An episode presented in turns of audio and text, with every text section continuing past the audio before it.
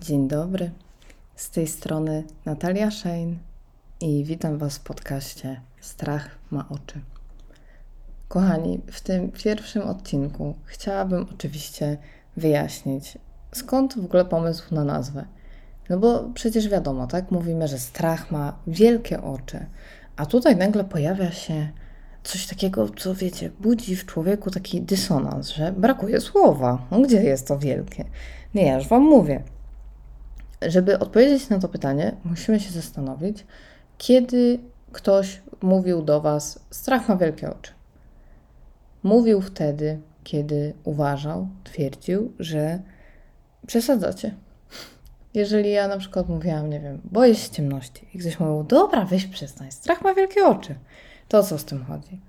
No chodzi o to, że ktoś mówi wtedy, dobra, nie przesadzaj. W sensie, wiecie, że to, czego się boisz, jest tak naprawdę dużo gorsze niż ci się wydaje. Czyli, że to oblicze strachu ma po prostu, wydaje się, że ma wielkie oczy, ale tak naprawdę te oczy są zwyczajne. No i gdyby jednak chcieć zabrać to słowo wielkie, to zostałoby właśnie tak jak w tym podcaście: strach ma oczy. I dlaczego ten zabieg? No właśnie po to, żeby zwrócić Wam i mi honor. Czyli chodzi mi o to, żeby oddać nam wszystkim troszkę godności w tych wszystkich momentach, kiedy poczuliście, że ktoś się nabija z tego, czego się boicie, albo ktoś stara się umniejszyć waszemu strachowi. A ja właśnie nie chcę umniejszać, bo jako osoba, która zmaga się z zaburzeniami lękowymi, mam ogrom lęków i po prostu zbyt wiele razy to słyszałam. I myślę właśnie, że ten podcast jest takim moim wewnętrznym wyrazem sprzeciwu przeciwko temu, że jako społeczeństwo umniejszamy naszym strachom. Staramy się na siłę włożyć nas wszystkich w taką pozycję, że każdy z nas jest taki odważny.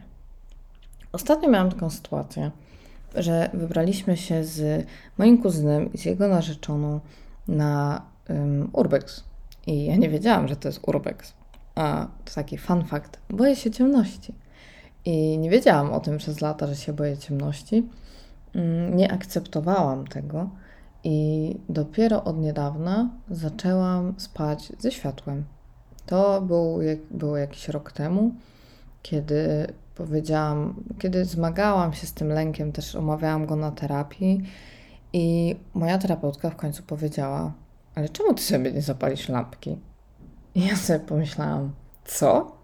Ja? Ja lat wtedy 24 po studiach z magisterką z UW? Ja mam spać ze światłem? No co ty? No w sensie ja realnie miałam taki, no pojebało ją. Przepraszam, jeżeli pani tego słucha, ale wiecie o co chodzi, że jakby nie chciałam za wszelkie skarby dopuścić do siebie opcji, że ja się tak naprawdę czegoś boję i że to jest taki ten lęk uznawany za dziecinny. I powiem Wam jeszcze coś. oczywiście, że ja się boję, że ktoś teraz to wyśmieje. No bo jak? No, jakby są takie lęki, przez które czujemy się mniejsi właśnie, tak? W ogóle lęki, jeżeli się na tym skupimy, są bardzo izolujące ze społeczeństwa.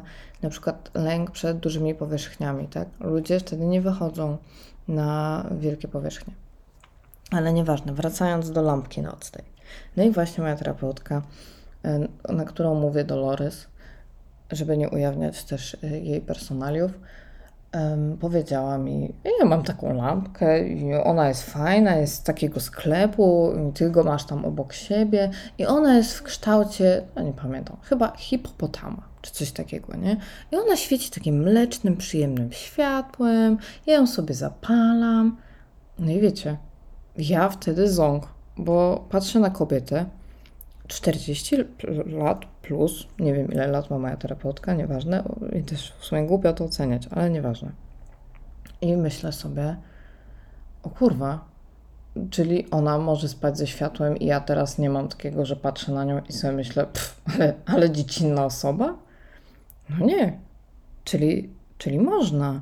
I ona mi wtedy powiedziała, znaczy przy okazji innej sytuacji, że nie ma nic silniejszego niż stanąć w swojej obronie i powiedzieć: Tak, ja się boję ciemności. Nie ma nic silniejszego, bo pomyślcie o tym teraz. Nawet jeżeli, chociaż wierzę, że jesteście ludźmi współczującymi, rezonującymi z innymi, i wierzę, no dobrze, no ale załóżmy, że pomyśleliście sobie chociaż przez chwilę, co? No ale idiotka, ona śpi ze światłem. To czy teraz to nie zabrzmiało trochę inaczej? Kiedy mówię z pełnym przekonaniem, tak, ja się boję ciemności. I tak śpię ze światłem. I mam 25 lat w tym momencie i od roku śpię ze światłem. I wiecie co? Kurwa, nigdy się tak nie wyspałam. Przysięgam, tamta rozmowa zmieniła moje życie. Bo wiele lat zmagałam się z problemami, z snem i tak dalej, tylko dlatego, że nie chciałam sobie pomóc w tym lęku.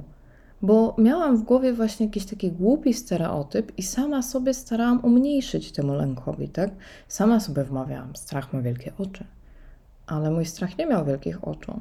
Mój strach po prostu potrzebował lampki, która daje jakąś tam małą poświatę w sypialni, dzięki której mogę spać. I wiecie, co jest najpiękniejsze w tej historii? Że ja się sobą zaopiekowałam. I wzięłam swoje sprawy w swoje ręce i po prostu powiedziałam: tak, od dziś będę stawać w swojej obronie. No ale wróćmy teraz do, e, do tematu urbexu, bo odbiegłam na chwilę, ale myślę, że to było konieczne, żeby powiedzieć Wam, dlaczego e, właśnie wejście do bunkra pod ziemią nie było dla mnie dobrym pomysłem. Ale co się raczej przy tym okazało? Kiedy szliśmy tam, to rozmawiałam właśnie z Olą i Ola mówi do mnie: Ej, Natalia, ale czemu ty się boisz? Przecież ja oglądam Twój Instagram i wy jeździcie w tyle takich super miejsc i ja zawsze sobie siedzę na kanapie i mówię: Ej, ja też bym tak chciała jak Natalia. Natalia i mój partner są tacy odważni. Oni wchodzą po prostu w takie miejsce. Ja też bym chciała być taka odważna. Ja sobie wtedy pomyślałam: O kurwa, ale moje życie wygląda z boku, nie? Ja tu trzęsę dupą przed większością rzeczy, których ludzie się zazwyczaj nie boją i to akceptuję, ale ktoś myśli, że jestem odważna, bo Instagram i nie wiem, Facebook, TikTok i tak dalej, i tak dalej daje zupełnie inny obraz mnie. No i wtedy była to jedna z sytuacji, w których utwierdziłam się, że ten podcast będzie nie tylko przełomowy dla mnie, jako rozmowa sama jest ze sobą też, bo to mimo wszystko jest to monolog. Chociaż mam nadzieję, że dzięki ewentualnym komentarzom stanie się dialogiem. Ale nieważne. Teraz mogę też wrócić trochę do tej historii y, ze światłem. Skoro już wiecie, że na zewnątrz wydaje się odważna, może teraz wy też pomyślicie, że to wszystko tak wygląda, a wy też się czegoś boicie. Było coś takiego, kiedy zaczęłam właśnie spać ze światłem, że musieliśmy pojechać do mojej teściowej w odwiedziny. Moja teściowa mieszka daleko, 5 godzin od nas, więc nie było opcji, że ja sobie wrócę do domku i wiecie, pójdę sobie spać z moją lampką. Ta, jeszcze tam jest taka opcja, że ja mam psa i mój pies normalnie się przemieszcza, kiedy ja śpię, więc drzwi, kiedy zasypiam, są przymknięte, e, tak żeby mu, mogła sobie otworzyć e, drzwi. No i ja zaczęłam tak kminić, jak dojechaliśmy tam, bo tak to całą drogę jakoś o tym nie myślałam, że o kurwa, jakby ona zobaczy to światło, że nie ma opcji. Ale uznałam, że dobra, zobaczę jaką ona tam ma lampkę, może nie ma lampki i wtedy będę się głowić. W moim domu wsadzam sobie tą lampkę pod łóżko, ona daje taki malutki, mówię, malutką poświatę, ale to mi daje spokój w głowie. Pojechałam tam, E, okazało się, że tam jest taka lampa nocna, która świeci jak, nie wiem, latarnia morska. I że jak wsadzam ją pod łóżko, to i tak w tym pokoju jest jasno jak w dzień. Ale uznałam, że no dobra, no nie mam innego wyjścia. Zwłaszcza, że tamtego domu boję się bardzo, bardzo, bardzo, bardzo. To jest przedwojenny, teraz po niemiecki dom, w którym podobnież moja teściowa widziała duchy. Więc no rozumiecie jaka faza, tak? Ja się jeszcze boję duchów do tego, więc w ogóle mm, ja tam nie mogę spać. Ale uznałam, że właśnie może to światło trochę mi pomoże. Bo tak to bez światła to zawsze przez lata też była katorga. No i była taka sytuacja, Wzią, wziąłam tą lampkę, zrobiłam sobie stację latarni morskiej w tym pokoju. E, statki nie dopływały na szczęście do mnie, ale, ale było blisko. E, wstaję rano, Ja i mój partner wstajemy i moja teściowa pyta. Mówi, synu, czemu u was się paliło światło? Bo ja wstałam o czwartej w nocy do łazienki i, i paliło się u was światło. Coś się stało?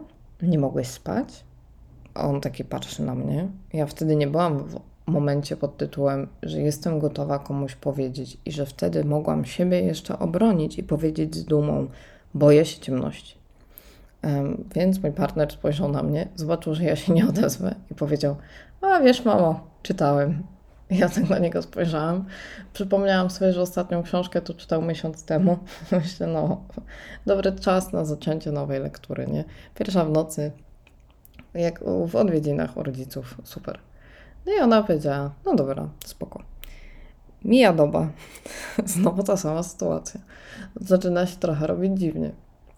Moja teściowa znowu. Synu, znowu czytałeś? Ja stoję tam, mówię, kurwa, to zaraz wyjdzie na jaw, nie? Widzicie, w sensie jak ja o tym mówię, wyjdzie na jaw. Jakby to był jakiś sekret. A teraz mówię o tym wam. No ale, no tak, jak powiedziałam, minął rok i teraz jestem w stanie stanąć w swojej obronie. Um, znowu moja, powtarza się sytuacja i mój partner mówi, taka ciekawa ta książka, mamo, no po prostu no, zasnąłem czytając ją. Mówię, Jezus Maria, to, to się w końcu wyda. Ale, kochani, no nie wydało się. I to w tamtym momencie było dla mnie najważniejsze, bo nie chciałam i nie byłam gotowa. I do tego Was zachęcam, że mimo, że będziemy sobie rozmawiać w tym podcaście o moich lękach i może też Waszych, kto wie, to zachęcam Was do tego, żeby na pierwszym miejscu i na uwadze zawsze mieć siebie i patrzeć na to, jak Wy się czujecie. Bo jasne, jakby może dzięki mnie i Dolores y, teraz nabraliście, nabrałyście odwagi i uznaliście, uznałyście, że idziecie w świat i będziecie teraz mówić z odwagą. Ja się boję ciemności. Jeżeli nie, boje, nie boicie się ewentualnych śmiechów, konsekwencji, to ja Was do tego zachęcam. Jak najbardziej, to jest super. Ale jeżeli gdzieś z tyłu głowy czujecie, że, nie, że jeszcze to nie jest czas, to nie róbcie nic na siłę. Nie róbcie nic nigdy wbrew sobie, bo nie ma po co. Tak jak ja wtedy, w tamtym momencie, po prostu milczałam, oddałam ster, w sumie nie wiedząc, co się wydarzy, mojemu partnerowi, który o mnie zadbał w tamtym momencie. Tak wy też nie zawsze musicie wychylać się przed siebie, tak? Przed samych siebie, wychodzić poza swoją strefę komfortu i stawać w swojej obronie. Zawsze trzeba mieć siebie na uwadze i swoje dobro, ale jak widać po tamtej sytuacji, czasami można zadbać o siebie trochę inaczej, a w swojej obronie stanąć innego dnia. O czym tak naprawdę więc dzisiaj powiedzieliśmy? O tym, że czasami wydajemy się bardziej odważni, odważne niż jesteśmy, że czasami ludziom przez social media, e, którzy oglądają nas obraz, a którzy nawet nas znają bardzo dobrze, może wytworzyć się taki inny obraz naszej osoby. Może to czasem działa na naszą korzyść, bo widzicie, może, może moja teściowa również śladami Oli, patrząc na mnie, nawet jej nie przyszło do głowy, że ja się boję ciemności. A druga lekcja jest taka, żeby zawsze mieć swoje dobro na uwadze. I że może to jest już trzecia lekcja, że ten strach czasami da się, da się z nim pogodzić da się nauczyć z nim żyć i do tego stopnia samemu zmniejszyć um, jego impact na nas, że przestaje być tak istotną rzeczą w naszym życiu.